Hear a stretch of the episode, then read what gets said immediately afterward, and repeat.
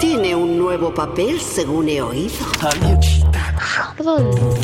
Alguien más. Acabo, acabo de volver de la India. Tuve una disentería fantástica. ¿Y tú qué cura estás haciendo? En la montaña un viejo le estaba leyendo la Odisea a un niño. Y el, y el pequeño oyente de repente dejó de parpadear. Alguien más. ¿Papá, pierdo? ¿Y tú qué me cuentas? Es fantástico vivir como un alma y ver día a día la eternidad de las personas siendo testigo de lo que sienten. ¿Alguien más le, le está pasando esto? No. ¿Alguien? No es no. Papiro. Perdón, perdón. Run, run. Pachum, pachum, pachum, patachum, pachum, pachum, pata, patachum, chispum, chispum, chis, tacatarra, tracatarbum, patapapum, pam, Zanzariño. tam, zrrazam, tam, zrrazam, tam, tam, zrrazam, tum, zrrazam, zrrazam. Yo puedo aguantar, ¿eh? Lo sé, lo sé. No te voy a provocar. Venga, eh, que... En bucle. Vale. Ahora, ya está. Venga. Así, se acabó. Se acabó. ¿Con, con qué cerramos, papiro run run? Con la historia interminable. No, no, no. Eh, no, vamos a cerrar círculo. Además, dos. Yo pensaba uno, pero va a haber más círculos que se cierran. Eh, un círculo que se cierra, pero ¿cuál? Círculo, mira, ¿cómo empezamos la temporada este año? Nos fuimos a Japón. ¿A qué? ¿A qué? Aprender a ser ninjas. Hemos aprendido porque hemos tenido tiempo. Bueno, eh, yo Bien, no, ¿no? sé, igual repito curso, no sé. Sí, yo eh, progresé adecuadamente según he visto en internet hoy. Oh, qué El examen bien. hice bastante bien. Me estampé contra la pared y aguanté bastante rato estampado. Oh. Así que me dijeron muy, muy bien. Has Muy bien, progresado Inco, has Sí, sí, sí. progresado, bueno. Total, que pues esto, eh, empezamos con los ninjas y nos vamos a cerrar también en Japón, pero con algo más calmadito. Algo más calmadito, yo qué sé, sumo, por ejemplo. De sandía, no, sumo otra vez vamos a hacerlo.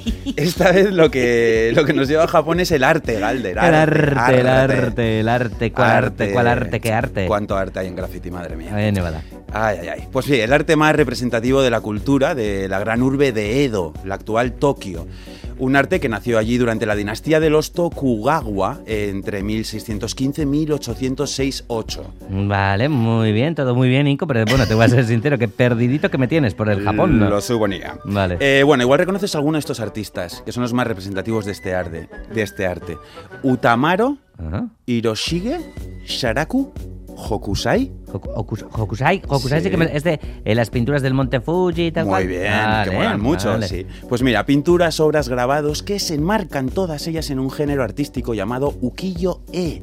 Y gracias al libro Geko Suihitsu, Estampas del Japón Mítico, un libro del doctor en Historia del Arte David Almazán Tomás y publicado por la editorial Satori, vamos a descubrir al artista Ogata Gecko y a una de sus obras más importantes, que es el Geko Sui- Suihitsu, eh, Ensayos de Gecko. Vale, oye, ¿y este artista, Ogata Gecko, pintaba, al igual que Hokusai, paisajes? También le daba y bastante bien, pero en lo que más destacó pues era en la pintura de figuras de personas, animalitos y cosas así. Y lo más característico Valder de su obra era que pues con ella intentaba como recuperar los valores clásicos de la cultura japonesa, valores como por ejemplo el amor por la naturaleza, eh, la religión sintoísta y budista, la elegancia estética, el honor o por ejemplo la compasión hacia hacia las pequeñas cositas de este mundo. Vale, qué bueno. Importantes todas ellas. Oh, o sea que con su obra también podemos ¿no? conocer mucho sobre la cultura japonesa. Claro, sí, sí, sí, porque cada pintura que aparece en este libro, cada pintura de ese ensayos de Gecko, pues va acompañada por una explicación que nos lleva al origen y al mensaje que se esconde bajo esa obra. Y así nos encontramos con cosas como dragones, dioses, emperadores, samuráis, leyendas. Mm, qué bien Muchas suena todo cosas. Mm, esto, qué bien suena todo esto, Inco Martín. ¿Nos vamos entonces a Japón? ¡Qué mejor plan! Pero nos vamos a ir a finales del siglo XIX y así podemos entender mejor el arte de Ukiyo-e y la obra de Ogata Gecko. Me parece estupendo. Así que, también. atención Japón, que ocho meses después, allá volvemos.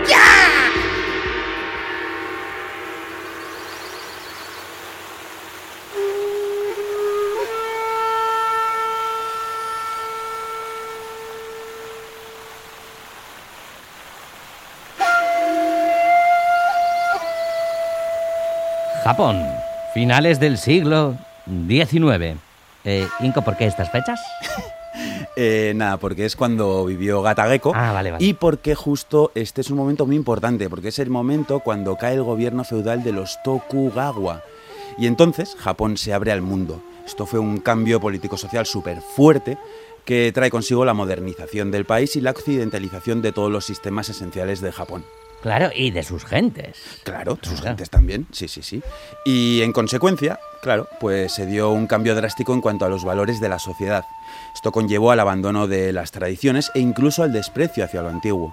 Algo que condujo, por ejemplo, a la desaparición de la clase samurái y que obviamente afectó en el mundo del arte. Mm, así que se encadenaron a lo occidental y rehuyeron de sus tradiciones. Eso es. Y curiosamente, esas tradiciones, sobre todo en el campo del arte, a la vez, en ese mismo momento, empezaron a triunfar en todo Occidente. Oh. ¿Eh? Sí, todo lo japonés eh, se puso de moda y los grabados ukiyo-e, que en Japón ya casi que querían enterrarlos por viejunos, pues empezaron a causar mogollón de furor entre los y las artistas y coleccionistas occidentales. Claro, ¿e- e- ¿hizo esto que volviese a resurgir el arte ukiyo-e en Japón? Pues no exactamente, pero sí que hizo que un artista como Gata Gecko despuntase. Mira, el ukiyo-e eh, siempre ha sido como un arte representativo de la cultura del ciudadano de a pie. Un arte que cualquiera fuese, su es- cualquiera fuese cual fuese su estatus, pues podía comprar. No era un arte así como elitista, digamos. Y en ese momento histórico, Gata Gecko creó un estilo de ukiyo-e que miraba el pasado, que sintonizaba con los gustos de todos aquellos que veían como en aquel momento, eh, lo veían como con, con mucha nostalgia, como en aquel momento todo lo tradicional del Japón iba desapareciendo. Vale, y en este libro Inco eh, lo que se ve es una de esas series, ¿no? De, de grabados dirigidas a la tradición japonesa. Eso es, sí, el Gecko Suihitsu, eh, Ensayos de Gecko, pues es una especie de como enciclopedia visual de ese Japón tradicional. Es un, pues un libro formado por 47 grabados que van ordenados además siguiendo el abecedario japonés, un dibujo por cada letra. Mm, bueno, y como decíamos, en esta obra, además de disfrutar de esas pinturas, se puede aprender mucho de la historia de Japón. Y eso es lo guay. Y por eso es como una enciclopedia artística, una enciclopedia que se sustenta bajo temáticas como la religión, la literatura, el teatro, la historia y las tradiciones japonesas. Oye, Inco, ¿y si abrimos el libro para ver alguno de esos grabados y descubrir qué hay tras ellos? Para eso estamos, Galder.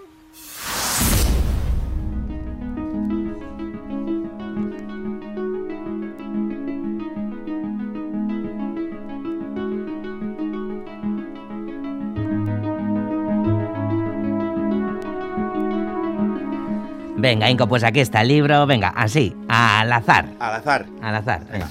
Ah, esta misma. ¡Ay! ¡Uy! Ay. ¡Mira! ¡Uy!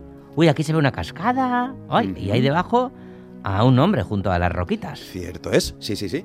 Esta ilustración esta se titula Ilustración de la piedad filial en la recogida de agua de la cascada de Lloro. ¿Perdón? Toma, ilustración de la piedad filial en la recogida de agua de la cascada de Lloro. Lloro, mira, cortito el título. Cortito, Cortito, cortito. col- cortito. Sí, sí, ¿Y, sí. y qué nos cuenta esta ilustración? Eh, pues mira, estaba sobre el confucia- confucianismo, eh, sobre el orden para mantener la armonía, digamos. Y para ello, Gata Gecko recupera una historia tradicional japonesa. Ah, claro, y el prota, pues es el hombre de, de la cascada, ¿verdad? Justo, justo él, sí, sí, sí. Y este es un hombre, pues es un, un humilde leñador, cuyo anciano padre está muy, muy enfermo. Y adivina cuál es su, digamos, fármaco para soportar la enfermedad. A ver, yo qué sé, pues eh, algún té, algún té, ¿no? De estos tés especiales que hay por allí. No, Mm. no, su medicina es el saque. ¿El sake? Sí, sí, sí, el Ah, saque. Toma ya. Una bebida. No sabe nada. Sí, sí, no sabe nada aquí. Sí, sí, sí. Una bebida que le entusiasmaba, que le calmaba y que le alegraba lo suficiente como para sobrellevar la enfermedad. Anda Ah, que no. Pero claro, problema, el saque valía pasta, Ay, ay, ay. valía dinerito.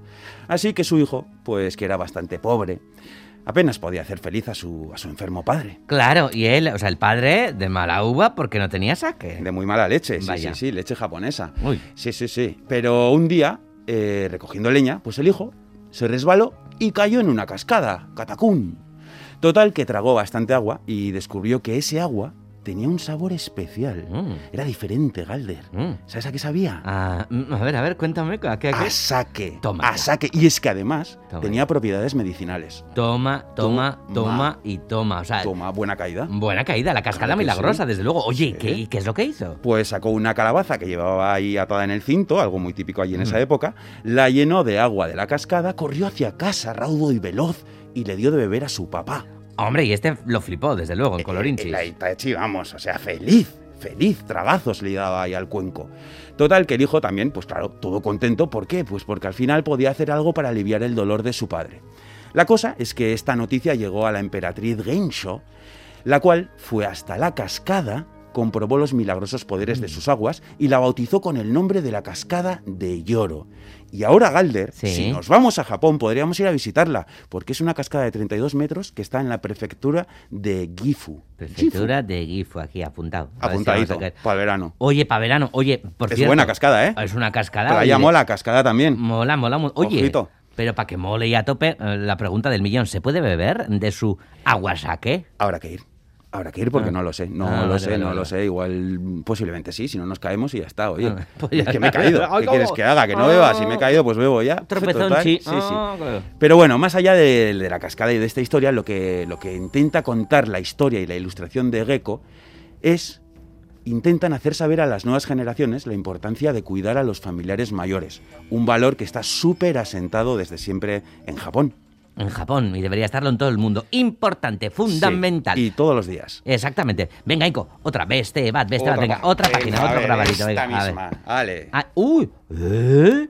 A ver, a ver, a ver, o sea, estoy viendo a personas con cabeza de pájaro bailando y vestidas con kimonos, ¿es verdad lo sí, que sí, veo? Sí, sí, sí, Ala. es la, la versión japo del baile de los pajaritos. Hombre, pues, pues parece, parece. Pe- no, es, no, es Japón, es freak, pero no tanto, aunque mira que a María Jesús la veo triunfando por allí con el acordeón, ¿eh? O sea, de friquismo, yo creo que por eso lo tiene ya ganado.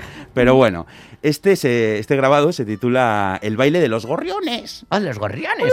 ¡Gorriones! ¡Gorriones! Oye, gorriones, por cierto, con mucho estilo, ¿eh? Con mucho estilo y mucho descaro, ¿eh? Que suelen andar muy sueltos. A mí Ya el otro te- día en una terraza me robó una patata. Uy, una. pues cuidado, cuidado, solo les faltan Sí, las sí, lentejuelas sí, y las, sí, sí. ¿no? las plumas así rollo Lina Morgan. Sí. Pero fíjate, es que, es, que un- es que uno de los gorriones lleva hasta abanico. Claro, pues flipa que en el folclore japonés los bailes imitando animales son súper típicos.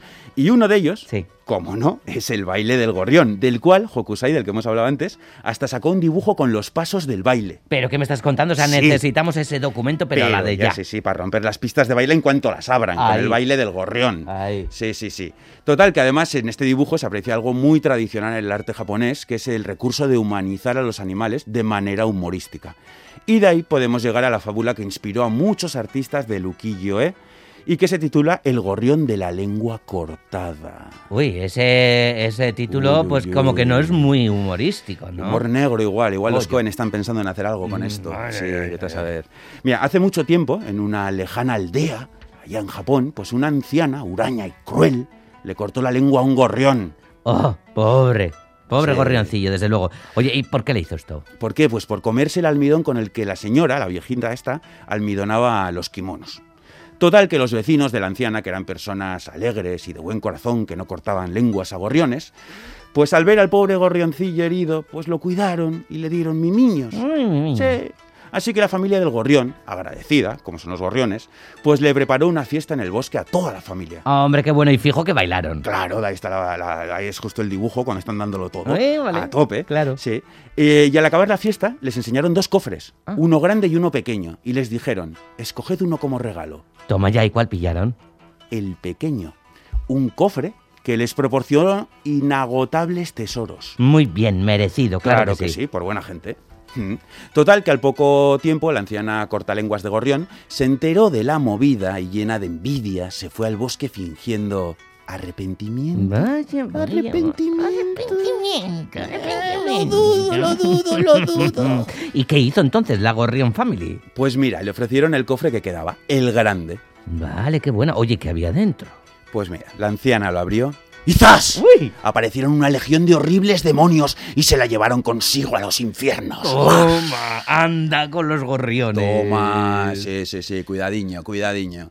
Total, que ¿qué hemos aprendido con esta historia, Galder? ¿Qué hemos aprendido con esta Que los historia? gorriones bailan, Que los gorriones bailan que no muy- hay que cortarles la lengua, No hay que- Nunca, nunca. nunca. O sea, mejor Sí. con los gorriones, mejor bailar, ¿no? Sí, Y nada de cortarles la lengua. aprendido lo tenemos. Venga, uh. ¿Y el objetivo de esta fábula? ¿Cuál es? Pues que aprendamos a respetar a la naturaleza y a los animales. Oh, Claro. desde luego un mensaje fundamental para, para nosotros y también para el resto de generaciones. Bueno, sean Sí, japonesas japoneses. o sean de donde sean. De donde ¿no? sean, de donde sean, claro que sí. Uy, qué bueno. Eh, este, este libro que nos has traído. ah, Está muy bien. Está muy bien. Estampas del Japón mítico de Gecko Suichu, ¿verdad? ¡Suichu! Suichu, Suichu.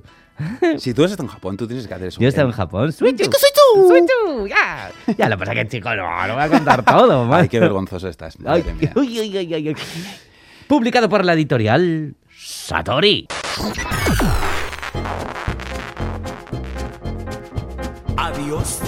Ride la stella al tebarán, ride fa, to be, to be, to be or not to be.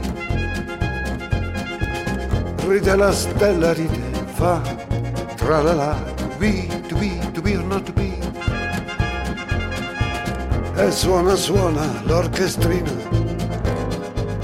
un motivetto da ballare. Hanno la faccia malandrina ma sono stanchi di suonare, suonare. Si sta spogliando l'odalisca, è già da un'ora che lo fa. Esasperante il suo languore, aiuto, orchestrina del mio cuore. Ride la stella al debaran, ride fa to be, to be, to be or not to be. Ay, to be or not to be, to be or not to be. Con... Estela. Ay, Pablo Conte, qué bueno, ¿no? Qué buen final, ¿no? Tremendo. Sí. Para, Había que para- elegir una bonita canción para acabarlo. Ah, pues Sí. espérate, espérate. El gran Inco Martín, que nos ha hecho volar entre páginas de infinidad de libros con los que hemos jugado, aprendido, soñado y conocido la infinidad también de, de lugares. Hoy Japón, pero hemos ido a un montón de sitios. Costumbres, personas, tanto, Inco, tanto. Tanto y tanto. Ciencia, tanto hemos historia, viajado. bueno, tal- Sí. todo tipo de artes también. Sí. Inco Martín, que es una de nuestras voces favoritas y no se nos ocurre mejor que un temazo como este de Paolo Conte, que está súper bien. eh, pero este de Frank Sinatra también para darte las gracias por los cientos de papiros que hemos compartido contigo. Me has emocionado, ¿eh, Galder. Ay, esto se acaba, querido. That's life, Inco. Musu.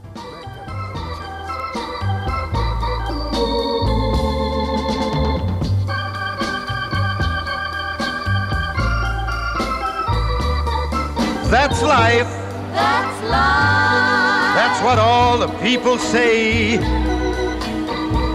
You're riding high in April, shot down in ¿Qué May. vamos a decir, Inco? Más que That's life, ¿verdad? Eh, y, Qué eh, detalle, ¿eh? am, Joder, por favor. Bonito Bueno, poner más Frankie aquí. Bueno. Después de Paolo, además. Eh, Joder. Es que casaban muy bien, ¿verdad? Cuando has elegido Pablo digo, anda. Sí, grandes. Qué bonito. Un brindis por papiro. Un brindis. Adiós. Agur.